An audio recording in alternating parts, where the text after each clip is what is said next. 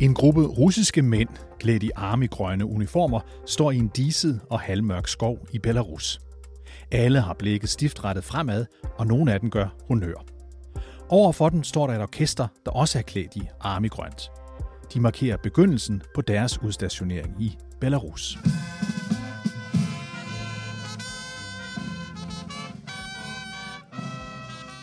...9.000 russere er kommet hertil på ganske få dage.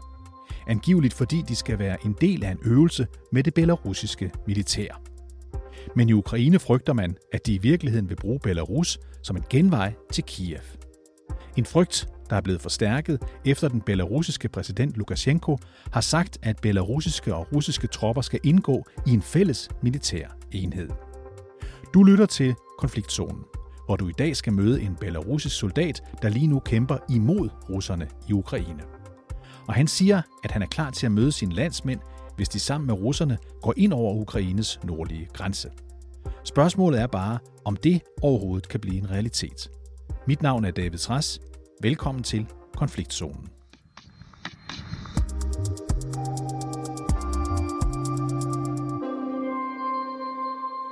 Мы уже давно написали такое прошение команд. Kalinovski-regimentet har skrevet en rapport til den ukrainske hær.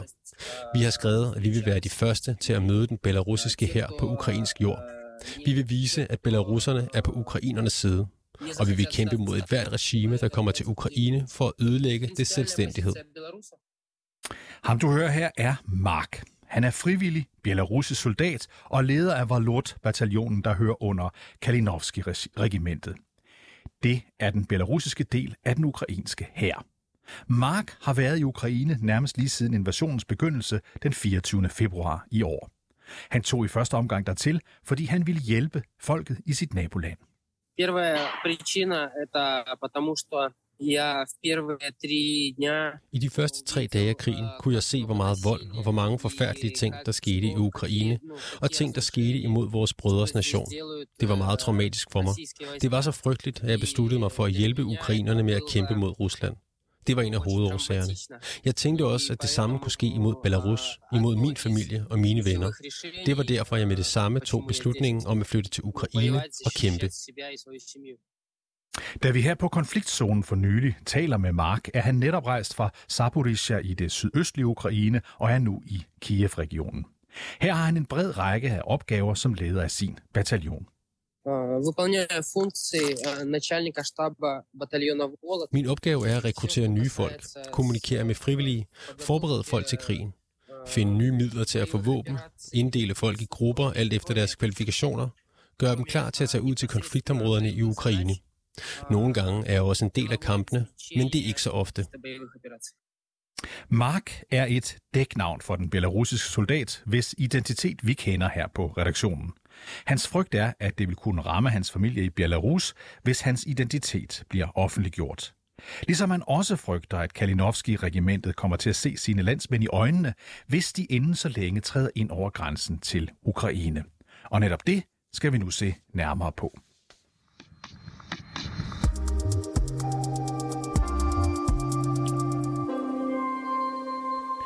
Nu kan jeg nemlig sige velkommen til dig, Jonathan Schacht Halling Nielsen. Velkommen til. Godmorgen.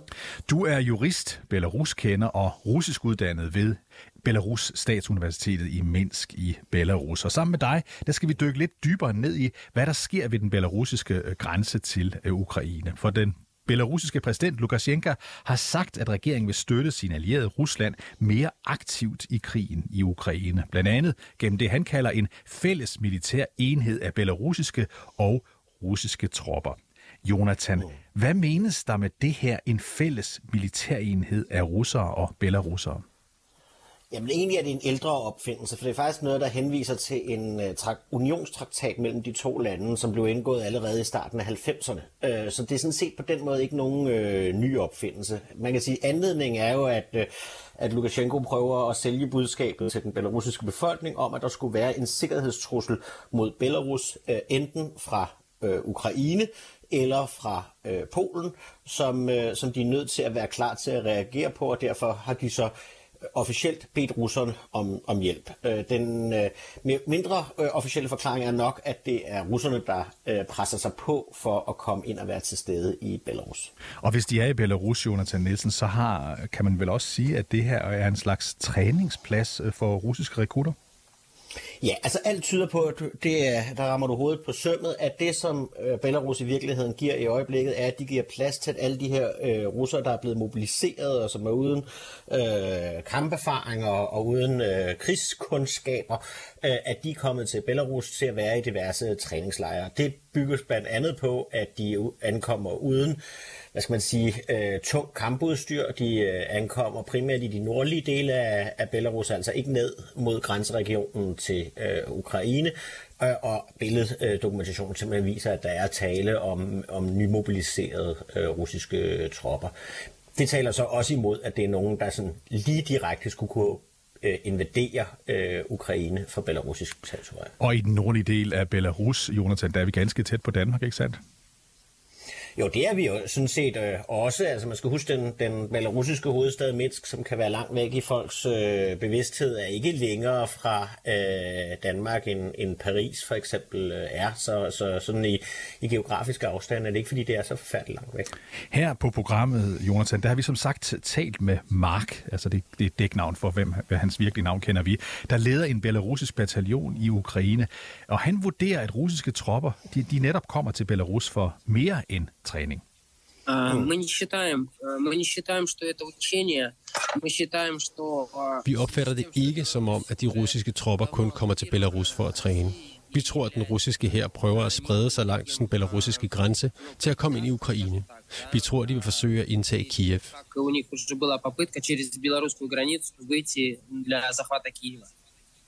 Lyder det realistisk, når du hører det, at Rusland agter at åbne en front fra Belarus? Jeg tror ikke, man skal være kategorisk i det her, fordi det er bestemt en, en mulighed. Man ved, at, at russerne, eller alt tyder på, at russerne leder efter eskalationer af, af krigen. Jeg tror, hvis de vil åbne en front fra Belarus, så handler det nok primært om at åbne en, en front over i det aller, aller vestligste øh, Ukraine, hvor de så har en chance for at afskære forsyningslinjer fra Vesten, altså ukrainske forsyningslinjer fra Vesten. Når det er sagt, så tror jeg ikke, det er der, vi er i, i øjeblikket af flere årsager. Som jeg lige var inde på før, så er der altså ikke observeret, at øh, tungt russisk kampmateriel ankommer i Belarus. Tværtimod går det den anden vej. Altså, man har kunnet se gennem en periode, at de belarusiske våbenlager har været øh, åbnet for russerne, og både, øh, hvad skal man sige, krudt og kugler, og egentlig øh, øh udstyr, altså øh, pansrede mandskabsvogne, kampvogne osv., er blevet ført fra Belarus, fra belarusiske læger til, øh, til Rusland, og så sidenhen indsat på, øh, på russisk side i, i krigen, givetvis fordi russerne mangler øh, udstyr. Men altså, hvis man forestiller sig, at der skulle åbnes en ny front fra, fra Belarus, så vil de jo skulle bruge noget af det her øh, udstyr selv. Så i hvert fald indtil vi ser billeder af, at der kommer togtransporter fra øh, Rusland til Belarus med tungt udstyr, så tror jeg ikke, det, øh, det, det, det er sådan lige oppe over. Men altså de første russiske soldater, de er, som vi allerede har talt om, ankommet til Belarus, og præsident Lukashenko har flere gange gjort det klart, at Belarus vil lægge jord til træning af tusinder mm. af øh, russere. Men der er altså noget, der tyder på, som du siger, at de her soldater har tungt materielt med sig, altså at de i princippet kan være kampklare? Nej, altså jeg siger, at de har, de har ikke tungt materiel med sig øh, på nuværende tidspunkt. Øh, de har sådan nogle øh, almindelige, hvad hedder sådan noget, tr- trucks og sådan nogle ting, som, som, som de selvfølgelig kan blive fragtet rundt mm. i, mhm. men, men vi har ikke set, at der er kommet store tog med, med kampvogn for eksempel øh, ind i, i Belarus. Tværtimod er kampvognen blevet kørt ud af Belarus for at støtte den øh, russiske krigsindsats. Andre øh, Øh, steder. Når det er sagt, så gør Rusland jo en masse fra belarusisk territorie allerede, og det gør jo faktisk på mange måder øh, øh, Belarus til en part i krigen, at de har stillet russisk, øh, undskyld, belarusisk territorie til rådighed for øh, russiske missilaffyringer øh, ind i øh, Ukraine. Øh, de øh, belarusiske luftbaser bliver brugt af, af russiske øh, kampfly, og vi ved også, at der føres øh, hybridkrig også fra, fra belarusisk territorie. Så på en masse måder, så deltager Belarus i, i krigen allerede. Men det her med en at sætte belarusiske tropper ind i øh, Ukraine. Det har vi ikke set endnu. Når jeg bliver ved med at bore i det, Jonathan Nielsen, så er det mm. fordi, at, at det belarusiske forsvarsministerium har jo meddelt, at 170 kampvogne skulle være på vej øh, til Belarus. Så der er altså noget på vej, men det er jo ikke kommet, som du siger. Men er det mm. i øvrigt nok til at åbne en ny øh, front? Der tror jeg, man skal være mere øh, militærstrateg end, end jeg. Jeg er jo først og fremmest en politisk observator af, af landet, som prøver at, at, at lægge mig op af de øh, gode, dygtige analyser, der bliver, bliver lavet af, af mm. militærfolk. Øh, så, så hvor meget de ville skulle benytte. Altså man må sige, det der er lidt specielt, hvis man åbner en front mod Ukraine, det er for det første, at, at en del af, af grænsen jo udgøres af den øh, lukkede Tjernobyl-zone, øh, som i sig selv er svært at komme frem i. Der er ikke gode veje, for eksempel, øh, længere. Der er ikke... Øh, hvad skal man sige, infrastruktur på plads i det hele taget, til at det, det er nemt at komme, komme den vej. Store andre dele af grænsen er, er moselandskab, hvor det også igen er svært, især fordi vi nærmer os den våde øh, sæson, så meget udstyr vil kunne, kunne sidde fast. Og endelig må man også forudse, at, øh, at ukrainerne har forberedt sig på det her. Der har været spekulationer siden februar, og, og da krigen startede, om, om Belarus ville gå ind i, i krigen. Så, så man ved, at der er øh, lavet, altså det som nogen sammenligner med en Maginot-linje øh, i, øh, i Ukraine op mod øh, Belarus, altså en stærk forsvarslinje, som, som vil gøre det svært at, at lave et, et lynangreb ind i Ukraine. Nu skal vi huske på, at præsident Lukashenko der i, i, i Hvide Rusland, undskyld, i Belarus, har siddet der for evigt. Han kommer tit med nogle mm. fortællinger, mm. som ikke nødvendigvis har, har hold i sandheden. Men en af dem, han kommer med, øh, en af dem, han taler om her, når han taler om den her oprustning på belarusisk jord, vi taler om her, det er, at det er fordi, at Ukraine i virkeligheden planlægger et angreb ved grænsen til Belarus. Det er ikke, mm. hvad han har beviser for. Øh, forklar Stig, hvorfor fortæller han sådan noget? Jamen altså, man skal huske, at, at, at Lukashenko faktisk tabte præsidentvalget i 2020 øh, til, til hende, der hedder Svetlana Trakhanovskaya, som i dag er i landflygtighed i, i Litauen. Øhm, og øh, siden da har han ikke genvundet øh, befolkningens øh, gunst. Det er tydeligt, at, at der er øh, en stor modstand imod ham i, det, i den belarusiske befolkning. Og det, som han gør for at prøve at holde, holde sammen på sit magtapparat, det er at ty til, at der skulle være en ydre øh, trussel, som han så hele tiden prøver at talsætte på den ene eller den anden måde. Derfor får øh, ukrainerne med krabasken, polakkerne får med krabasken. Vi skal heller ikke langt tilbage for at huske, at han genererede den her migrantkrise mm-hmm. øh, mod Litauen og, og, og, og Polen. Øh, så, så han forsøger hele tiden at skabe en situation, som giver ham anledning til at indsætte sit sikkerhedsapparat imod sin egen befolkning og sige, at vi har brug for en periode med særlig stram disciplin. Men det handler først og fremmest om hans egen evne til at, at holde på magten. Når det så er sagt, så vil jeg bare lige tilføje, der, der kom for nogle få uger siden en, en, en ny måling øh, fra, fra det britiske Chatham House, der viste, at øh, den tendens, man har set øh, hidtil, nemlig at en meget lille del af den belarusiske befolkning bakker op om øh, krigsdeltagelse på russisk side, helt ned på 3 procent. Man kan sikkert diskutere, hvad skal man sige, metodikken og den slags i den type måling, men det viser i hvert fald, at der er en meget, meget lille øh, opbakning. Og så lille en opbakning, at selv dybt ind i hans eget regime vil der være modstand imod at, at deltage i en øh, russisk krig. Så han risikerer, at hans eget magtapparat kan falde fra hinanden, og den, er alvor af de her trusler. Og det Chatham House, du henviser til, det er en britisk udenrigspolitisk uh, tænketank. Men altså, vi skal lige ind på mm. det her, med, Jonas, lad os lige køre lidt videre i det her uh, spor med, at, at uh, ikke nok med, at der er åbnet for et øget antal russiske tropper ind på belarusisk jord. Mark, altså vores belarusiske mm. soldat, som vi hørte til før, han siger nemlig, at der også foregår noget rekruttering inde i selve Belarus. У нас есть еще, у нас есть еще оперативная информация. Vi har også fået informationer om, at der lige nu bliver indkaldt folk i Belarus. Folk, som har været en del af specialenheder i hæren. Folk, som kan affyre missiler. Og som er villige til at krydse den belarusiske grænse ind i Ukraine. Ja, han taler altså om rekruttering i Belarus. Er det noget, vi ved mere om? Altså vi ved, at myndighederne afviser, at det finder sted, men sandsynligvis er der en eller anden form for mobilisering i gang internt i, i Belarus. Der er i hvert fald nok beviser på, at folk af den ene eller den anden grund bliver, bliver indkaldt, eller at der skulle være et pres for, at allerede indkaldte værnepligtige øh, skal blive her øh, ud over deres værnepligtsperiode. Man skal huske, at den belarusiske her først og fremmest er en værnepligt her. Det er jo også en her, der aldrig har været i krig. Altså bare lige for at sige mm. lidt om, hvor kampklart den måske er. Men, men, men der er forskellige tegn på, at, øh, at mobilisering øh, er i gang i, i Belarus, selvom det er nægtet af, af, af det belarusiske regime. Lad os lige prøve at gå videre i vores interview med soldaten Mark, der altså kæmper på ukrainsk side i krigen øh, i Ukraine. For han mener nemlig, at der er nogen nogle belarusere, der vil være klar til at gå i krig på russisk side. Возможно, такие есть. Безусловно, они есть в Беларуси, потому что Uheldigvis er der en gruppe af mennesker, som nok gerne vil kæmpe på den russiske side imod Ukraine. Det kunne være folk, som lige nu er en del af den belarusiske hær, og som har været der i mange år. Men mange normale, moderne belarusiske mænd føler en smerte for ukrainerne. De vil ikke have nogen aggression. Ja, Jonathan Nielsen, du er før inde på den her undersøgelse, der viser, at kun 3% bakker op i Belarus om krigsdeltagelse på russisk side. Kan du sige lidt mere om det? Ja, altså jeg synes faktisk, det, Mark har givetvis ret, at selvfølgelig vil der være en gruppe uh, internt i Belarus, som vil være klar til at, at kæmpe, og det vil givetvis også være en gruppe, der er i, i uh, Lukashenkos sikkerhedsapparat allerede og er motiveret lige præcis øh, den loyalitet, de har over for, for diktatoren.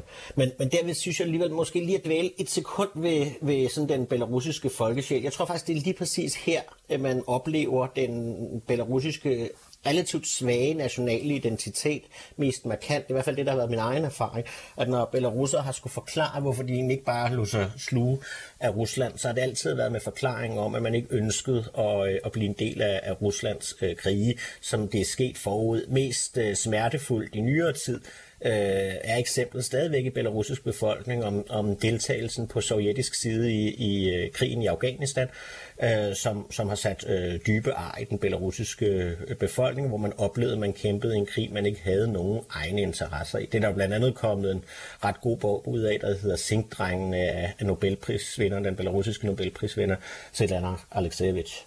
Spørgsmålet er selvfølgelig også, Jonathan Nielsen, om, om belarusserne har noget valg, hvis Lukashenko beslutter sig for at gå med i krigen i Ukraine. Lad os lige høre, hvad Mark siger om det.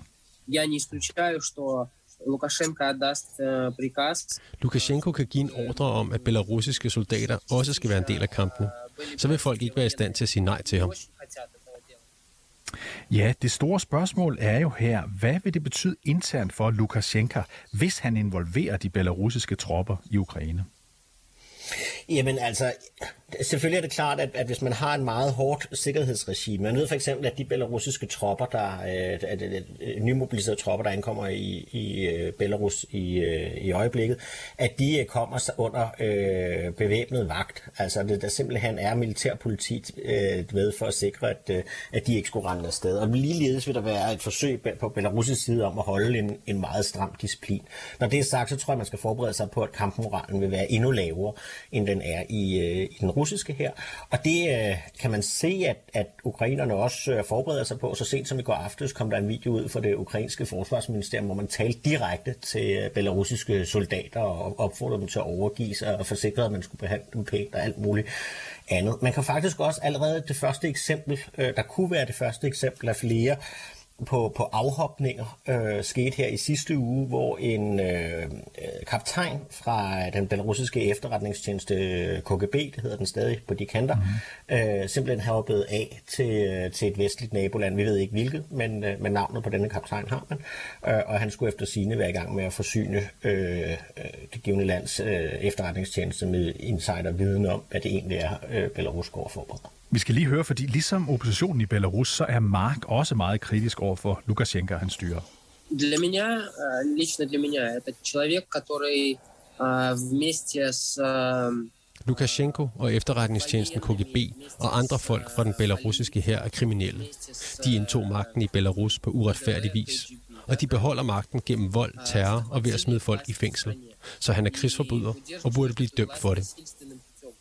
Og Mark tror ikke på, at man kan ændre noget i Belarus på en fredelig måde, altså uden vold. For Lukashenko er det kun embedet, der betyder noget. Og der er stor sandsynlighed for, at deltagelse i krigen vil føre til nye protester i Belarus. Der kan komme en ny bølge af protester, som måske medfører en ny regering. Desværre tror jeg ikke, det er muligt at ændre noget som helst i Belarus på en fredelig måde. Kun gennem kamp. Ja, deler du den øh, opfattelse, Jonathan? Man kan sige, Mark har i hvert fald en pointe for så vidt, at der var jo meget, meget store folkelige protester i, i 2020 og 2021 øh, med 100.000 vis af mennesker, der fredeligt gik på gaden og protesterede øh, mod Lukashenkos øh, regime og mod hans, øh, hans øh, kup, hvor han øh, altså fastholdt magten øh, i, i, i, i, øh, efter det her præsidentvalg.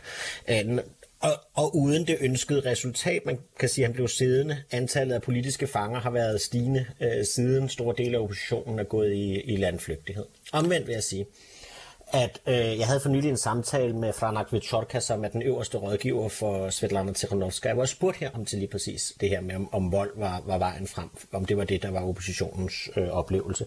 Og han sagde, at den belarusiske historie havde været fuld af eksempler på, at man havde forsøgt at lave en, en voldelig omvæltning, og der var ingen af dem, øh, der var lykkedes, og han så stadigvæk ikke et ønske i den belarusiske befolkning om en voldelig omstyrtelse af magten. Det vil jeg det sagt, så er jeg helt sikker på, at Lukashenko er bekymret for at se, at den største gruppe af frivillige udlændinge i den ukrainske her, det er belarusere, og det er altså øh, belarusere, der får kamperfaring, og som alle sammen er erklærede fjender af Lukashenko. Ifølge Mark, altså vores belarusiske soldat, så ville en sejr i Ukraine kunne ændre noget, også i Belarus. Vi skal først og fremmest vinde her i Ukraine. Efter det vil Putins diktatur blive svagere. Så vil der også ske ændringer i Belarus. For alle tre områder er meget tæt knyttet. Ukraines krig, Putins diktatur og Lukashenkos diktatur. Men vi skal først vinde her, og så bevæger vi os videre. Ja, Jonathan, vi har ikke så lang tid tilbage, men lad os lige høre, kan en sejr i Ukraine skabe mærkbare forbedre, forandringer, rettere sagt, i Belarus? Ja, det kan det godt. Altså først og fremmest fordi, at øh, uh, øh, Lukashenkos uh, øh, eneste og vigtigste allierede er, er Putin, og hvis Putin ikke besidder samme magt til at understøtte Lukashenko, så står han pludselig langt sværere end tilfældet er i dag, så det kan man sagtens forestille sig. Tusind tak, Jonathan Schacht Halling Nielsen. Altid en fornøjelse at høre på din indsigt om forholdene i Belarus. Tak fordi du var med. Ja, tak. Og Jonathan er som sagt jurist, russisk uddannet ved Belarus Statsuniversitetet i Minsk. Og lad os så lige slutte af med et sidste klip fra Mark. Han har nemlig tænkt sig at blive i Ukraine længe endnu, også selvom der er en stor gave, der venter på ham hjemme i Belarus. Da jeg forlod Belarus, var min hustru to måneder henne i sin graviditet. Nu venter vi på en baby, der kan komme når som helst.